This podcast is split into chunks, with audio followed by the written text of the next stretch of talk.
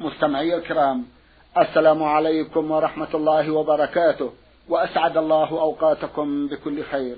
هذه حلقة جديدة مع رسائلكم في برنامج نور على الدرب. رسائلكم في هذه الحلقة نعرضها على سماحة الشيخ عبد العزيز ابن عبد الله بن باز الرئيس العام لإدارات البحوث العلمية والإفتاء والدعوة والإرشاد. مع مطلع هذه الحلقة نرحب بسماحة الشيخ ونشكر له تفضله بإجابة السادة المستمعين فأهلا وسهلا بالشيخ عبد العزيز. حياكم الله وبارك حياكم الله. أولى رسائل هذه الحلقة رسالة وصلت إلى البرنامج من إحدى الأخوات المستمعات تقول المرسلة نورة ألف ألف من الرياض. أختنا لها ستة أسئلة. في سؤالها الأول تقول ما صحة هذا الحديث؟ جزاكم الله خيرا.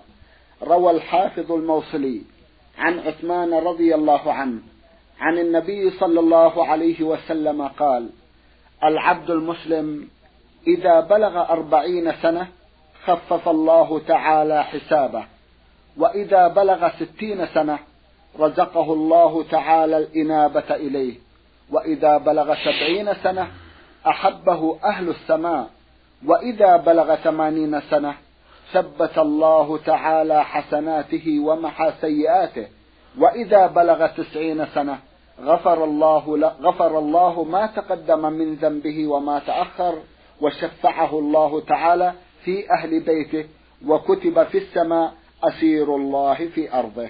أخرجه الحافظ الموصلي وروي من غير هذا الوجه في مسند الإمام أحمد. ثم إني قرأت هذا الحديث في كتاب مختصر تفسير ابن كثير جزاكم الله خيرا. وإذا كان هذا الحديث صحيحا فاشرحوه لنا بالتفصيل. جزاكم الله خيرا. بسم الله الرحمن الرحيم. الحمد لله وصلى الله وسلم على رسول الله وعلى آله وأصحابه ومن اهتدى بهداه. أما بعد هذا الحديث لا أعلم له سندا صحيحا. ومقتضى الأحاديث الصحيحة. والآيات القرآنية تدل على عدم صحته. فالإنسان وإن كبرت سنه مأخوذ بسيئاته إلا أن يتوب إلى الله منها. فالحاصل أن هذا الحديث لا أعلم له سندا يعتمد عليه صحيحا والواجب على كل مسلم وإن بلغ التسعين وإن بلغ المئة ما دام عقله معه أن يحذر السيئات وأن يبتعد عنها وأن يبالي بالتوبة مما يقع منه. وهكذا المرأة.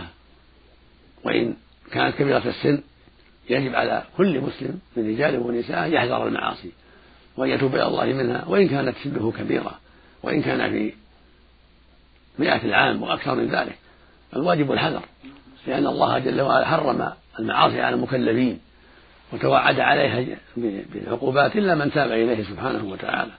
فالواجب على جميع المؤمنين من الرجال والنساء التوبة إلى الله من جميع الذنوب والحذر من اقترافها مطلقا في جميع أوقات العمر وإن كبرت السن.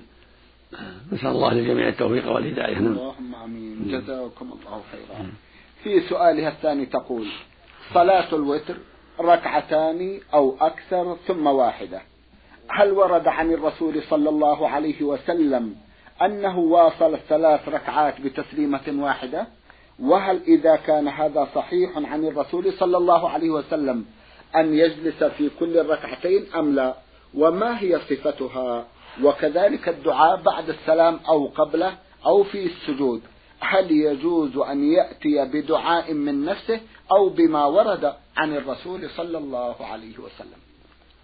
ثبت عن النبي صلى الله عليه وسلم أنه أوتر بثلاث مفصولة يسلم من الثنتين وأوتر بواحدة. وهذا هو الغالب من فعله صلى الله عليه وسلم أنه يوتر بالواحدة وحدها ويفصل ما قبلها. وكان في الغالب يصلي إحدى عشرة يسلم من كل ثنتين ثم يوتر بواحدة وربما أوتر بثلاث سردهن لم يجلس إلا في الأخيرة. وهذا قليل والغالب أنه يسلم من الثنتين أما كونه يصليها كالمغرب هذا مكروه لا ينبغي. لأن تشبيه لها بالمغرب وقد جاء في بعض الأحاديث النهي عن ذلك. فلا تصلى كالمغرب ولكن يصليها بالتسليم من الثنتين ثم يوتر واحدة أو يسردها سردا ويصليها جميعا بدون جلوس إلا في الأخيرة. هذا هو المشروع. ولكن الأفضل أن يسلم من كل ثنتين وأن تكون الواحدة مفردة مستقلة سواء صلى ثلاثا أو خمسا أو أكثر من ذلك. نعم. جزاكم الله خيرا. وفيما يخص الدعاء جزاكم الله خيرا. أما الدعاء فالإنسان يدعو بما بما أحب. من الدعوات الطيبة التي ليس فيها محذور. لكن الوارد أفضل إذا تيسر له دعاء يحفظه فهو أفضل وله يدعو بحاجاته. يقول النبي صلى الله عليه وسلم في الحديث الصحيح ما من عبد يدعو الله بدعوة ليس فيها إثم ولا قطيعة رحم إلا أعطاه الله بها إحدى ثلاث. إما أن تعجل له دعوته في الدنيا وإما أن تدخل له في الآخرة وإما أن يصرف عنه من الشر مثل ذلك. قالوا يا رسول إذا نكثر قال الله أكبر. فلم يحدد الدعاء عليه الصلاة والسلام بل بين لنا كل دعاء ليس فيه إثم ولا قطيعة رحم يرجى إجابته مطلقا. لكن إذا تيسر له دعاء معروف عن النبي صلى الله عليه وسلم ودعا به يكون أفضل من غيره. مثل السجود يقول اللهم اغفر لي ذنبي كله دقه وجله وأوله وآخره وعنته وسره هذا كان يدعو به النبي صلى الله عليه وسلم. وإذا دعا بغير ذلك اللهم يا مقلب قلوب ثبت قلبي على دينك هذا من دعاء النبي صلى الله عليه وسلم. وإذا دعا بقوله اللهم اغفر لي ولوالدي ولي مسلم لا بأس. أو قال اللهم أصلح قلبي وعملي. أو اللهم ارزقني كسبا حلالا. أو زوجة صالحة. أو ذرية طيبة. أو ما أشبه ذلك من الدعوات الطيبة لا حرج. في السجود وفي آخر الصلاة وفي كل وقت من أوقات حياته. لكن في السجود أفضل. يقول النبي صلى الله عليه وسلم أقرب ما يكون العبد من ربه هو ساجد فأكثر الدعاء. ويقول صلى الله عليه وسلم أما الركوع فعظموا فيه الرب. وأما السجود فاجتهدوا في الدعاء. فقبلوا يستجاب لكم يعني فحري يستجاب لكم. وكان صلى الله عليه وسلم لما علم أصحابه تحيات أرشدهم إلى الدعاء. قال ثم ليختر من الدعاء. أعجبه إليه فيدعو وفي اللفظ الآخر ثم ليختر من الأسئلة ما شاء. فبين صلى الله عليه وسلم أنه يدعو بما أحب. ولا يتقيد بوارد بل يدعو ما يسر الله له.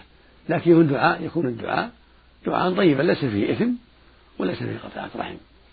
بل من الدعوات الطيبة النافعة ولو كانت ما وردت ولو كان ما سمعها في الأحاديث. والحمد لله. وهكذا في بقية الأوقات يدعو في غير الصلاة يدعو الضحى وهو جالس أو في الظهر أو في الليل وهو جالس أو واقف أو يمشي أو يدعو في صلاة النافلة الضحى. أو في تهجده بالليل.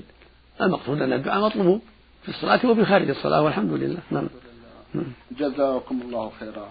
سماحة الشيخ ما الحكم فيما إذا نسي الشخص بعض ألفاظ الدعاء الوارد عن الرسول صلى الله عليه وسلم؟ هل يؤثر ذلك أو لا؟ لا يؤثر. يدعو ما حضره وما أحب والحمد لله.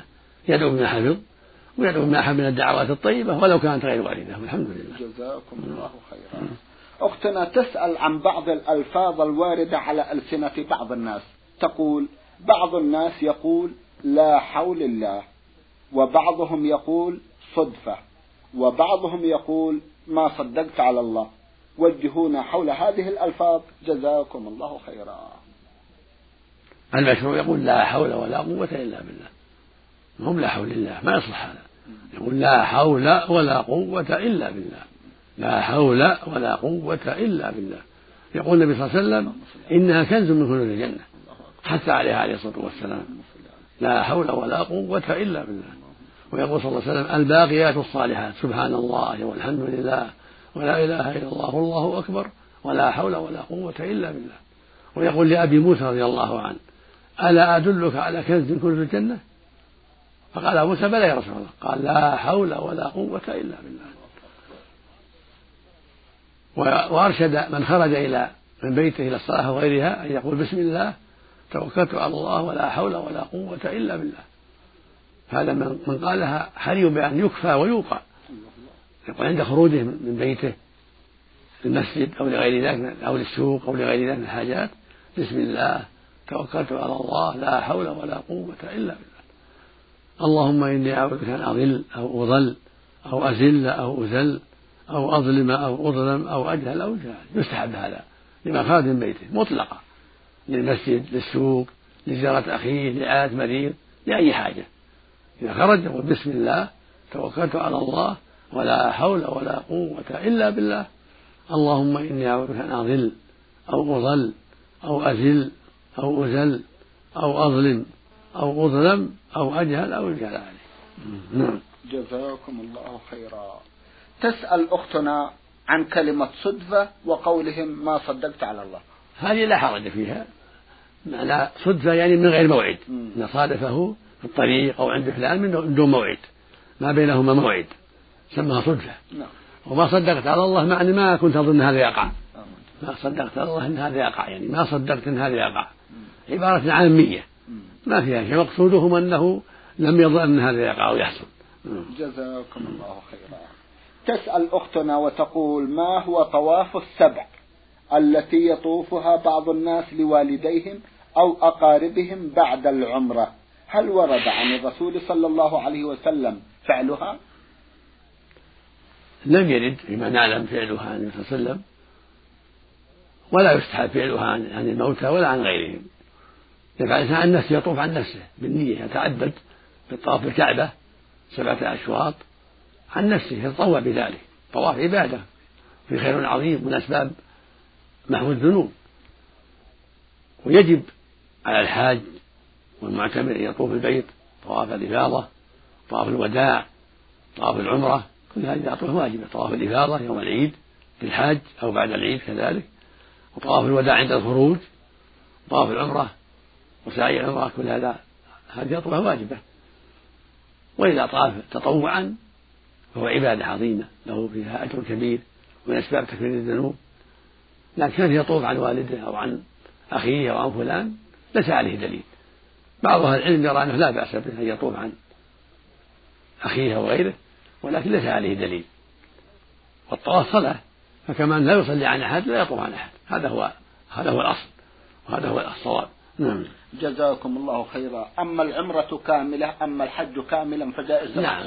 الحج كامل. نعم. والعمرة كامل عن الميت. نعم. أو العاجز كبير السن العاجز. نعم. اللي ما يستطيع الحج لكبر سنه وهرمه لا بأس نعم. جزاكم الله خيرا. تسأل أختنا عن الشخص الذي يصلي بعض الأيام صلاة الفجر بعد طلوع الشمس أو يصلي صلاة العصر في البيت. ما حكم صلاته؟ وهل تجب مقاطعته أو تجب نصيحته؟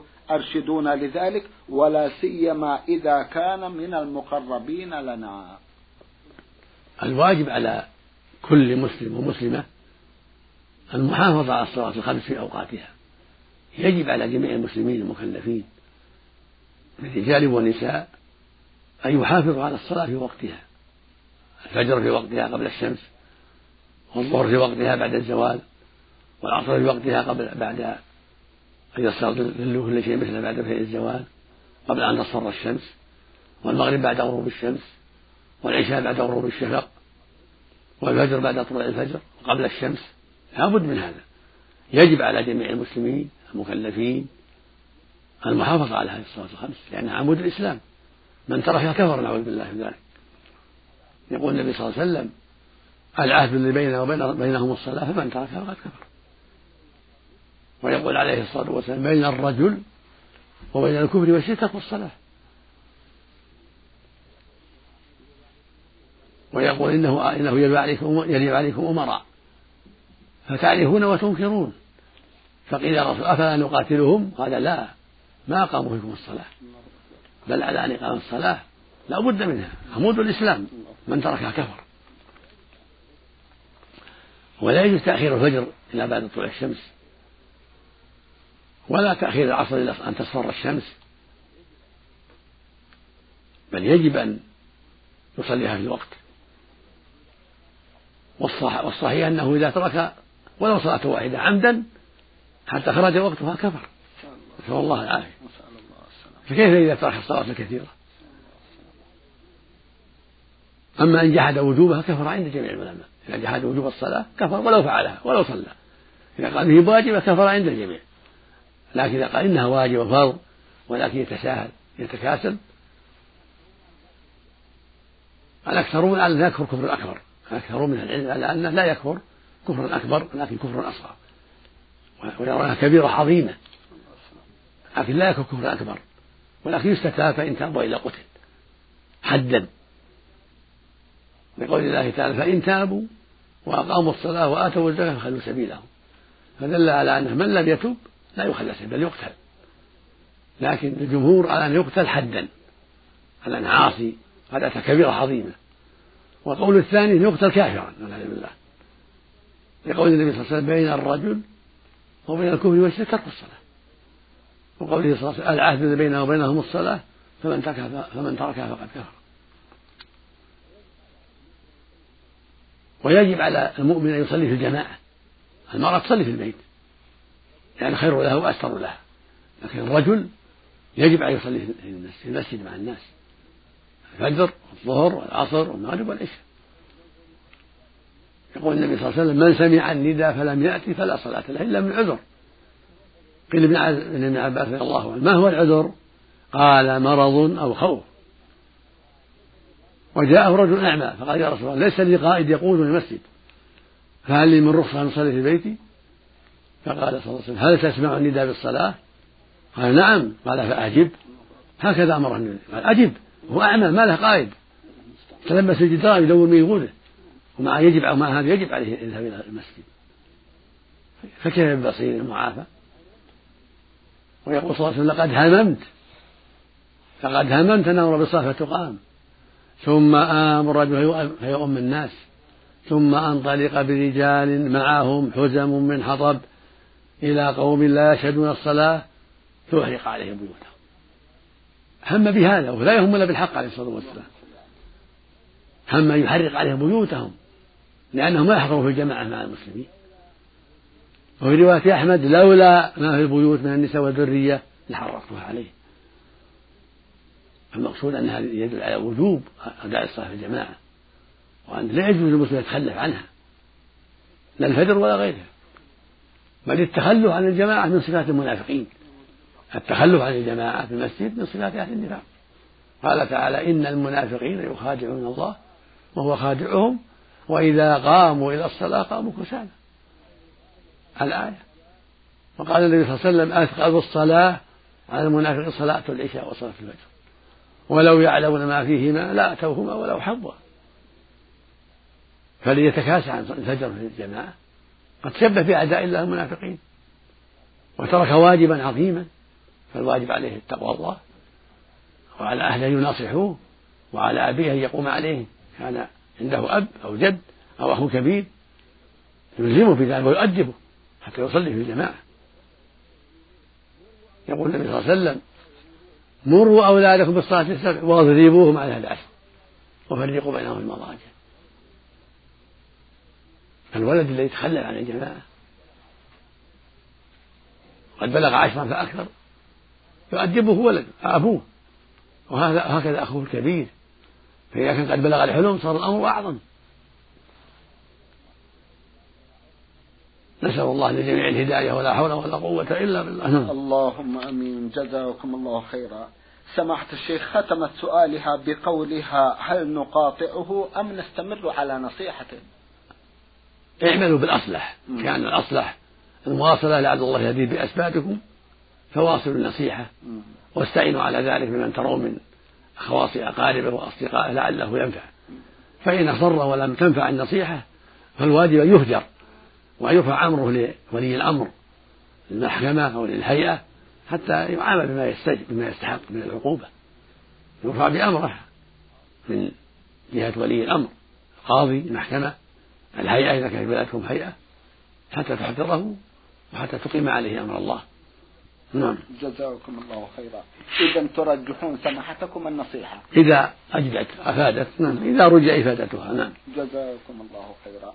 أخيرا تسأل أختنا بعض الأسئلة حول القرآن الكريم وحول تفسيره فتسأل أولا عن تفسير الجلالين. تفسيره مفيد وفيه بعض الأخطاء في الصفات.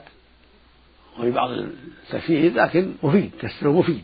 وقل كتاب إلا ويكون فيه بعض الأخطاء إلا كتاب الله سبحانه وتعالى. فكتب الناس يكون فيها بعض الأخطاء لكن مقل ومكثر. الله المستعان فالتفسير الجلالين فيه بعض الأخطاء؟ فإذا تيسر أن يدرسه صاحب سنة يعرف كلام أهل السنة والجماعة حتى ينبه على الأخطاء فهذا طيب. وإذا أشكل شيء على الدارس يسأل أهل العلم.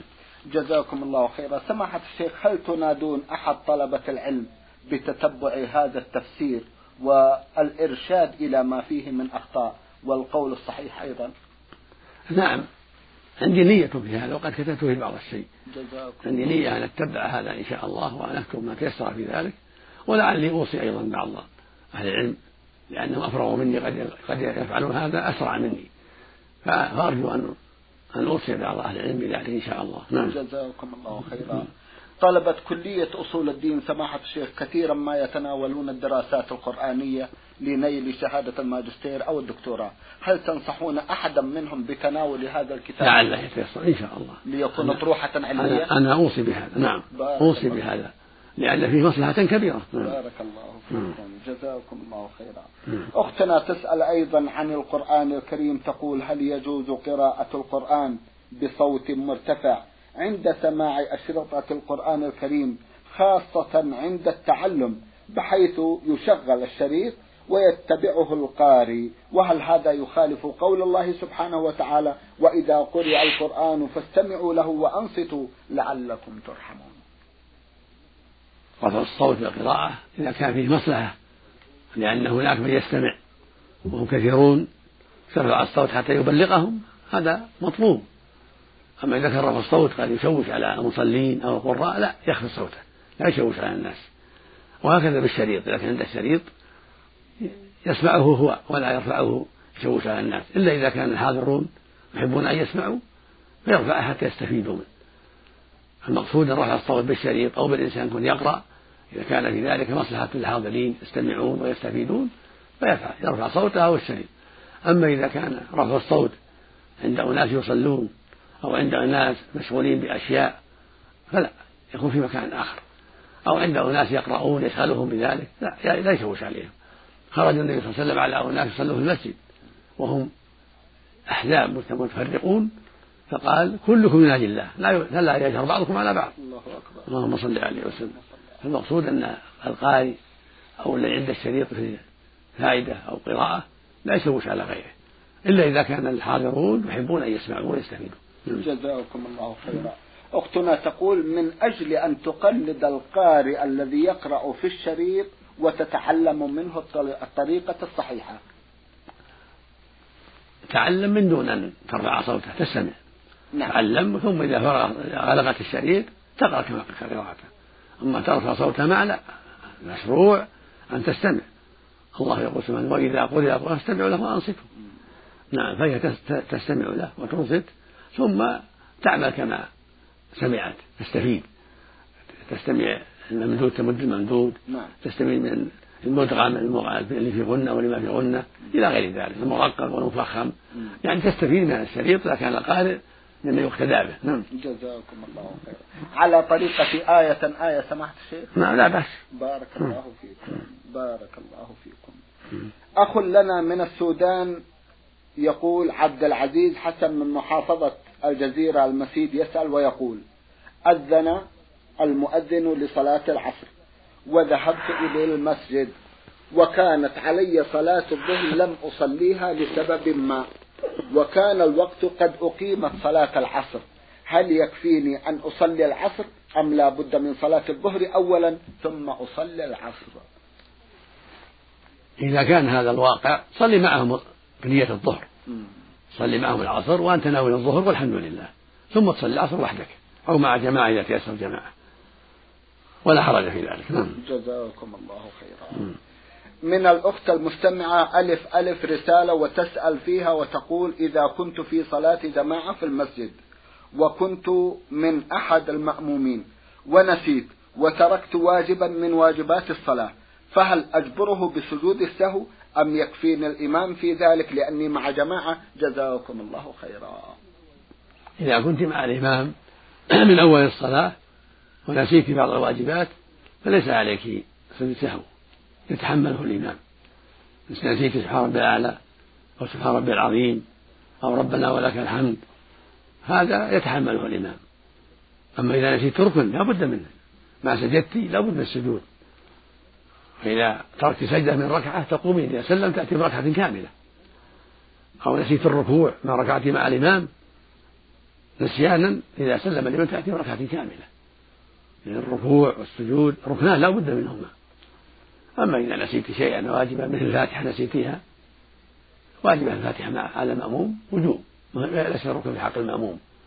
فإن نسيت الفاتحة أو نسي المأموم الفاتحة ليس ليس عليه شيء.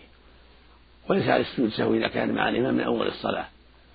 أما إذا كان مسبوق فإن يسجد السهو إذا قضى ما عليه.